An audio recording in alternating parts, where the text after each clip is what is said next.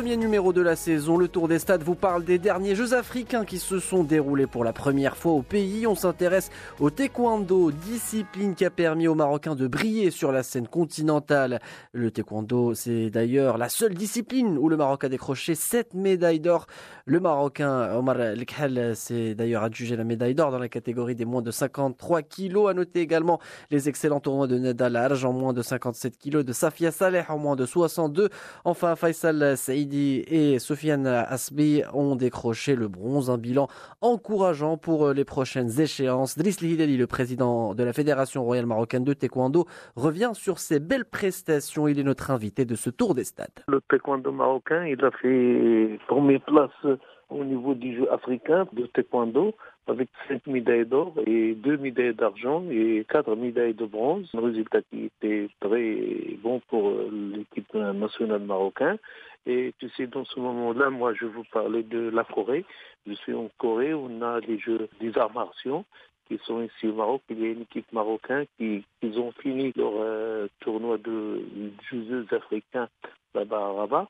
Ils sont venus directement, c'est Fatim Zahra, et Soukaina et Soufiane et pour les Jeux africains, on a fait, le Maroc a fait un très bon résultat parce que le taekwondo, il y a 38 pays qui ont participé, 268 athlètes euh, féminines, et des hommes et des femmes. Le Maroc, euh, par 16, on a 11 médailles qui sont multicolores. Je veux remercier le ministère euh, de la Jeunesse et du Sport et aussi le Comité national olympique et l'État du Maroc. Je félicite toutes les gens qui font le taekwondo et la famille de taekwondo. Alors le taekwondo marocain qui est donc brillé durant les Jeux africains. On s'attendait à de la compétitivité. Le niveau africain est élevé, mais le Maroc a remporté plusieurs médailles. Il y a un travail de fond depuis les derniers Jeux olympiques. Est-ce qu'il y a une amélioration qui est claire pour les athlètes marocains? Bien sûr, parce que maintenant, les athlètes qui ont les médailles d'or, ils auront 40 points de plus de leur euh, parce qu'ils sont bien maintenant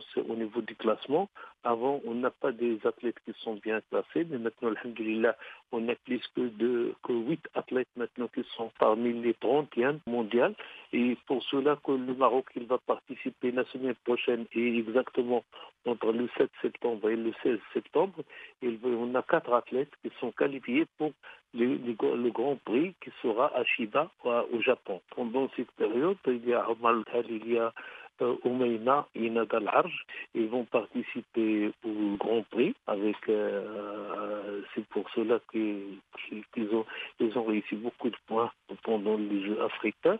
Alors il y a une grande amélioration euh, pour ces trois années pour le taekwondo marocain. Alors, euh, d'autre part, euh, vous avez aussi une vision euh, large sur la discipline, sur le plan africain. Vous avez pu constater quel était le niveau du continent dans la discipline. Qu'est-ce qu'on pourrait dire justement à propos de la compétitivité du taekwondo en Afrique en général? En Afrique maintenant, c'est pas comme les années 2000.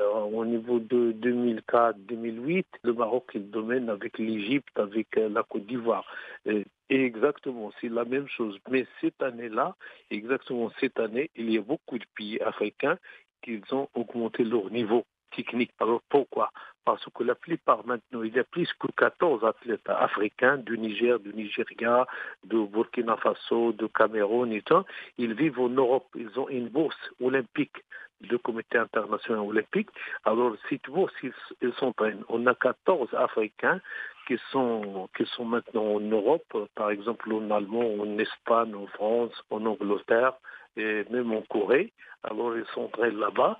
Alors c'est pour cela que le niveau, le niveau africain maintenant, est vraiment pendant les Jeux olympiques, euh, peut-être l'Afrique peut avoir 10 médailles ou 9 médailles aux Jeux olympiques de Tokyo. Prochain objectif pour le taekwondo marocain, les Jeux olympiques de Tokyo en 2020. Enfin, à noter qu'au terme de ces Jeux africains organisés pour la première fois de l'histoire au Maroc, le pays a fini cinquième avec un total de 109 médailles derrière l'Algérie et ses 125 médailles et devant la Tunisie et ses 97 médailles.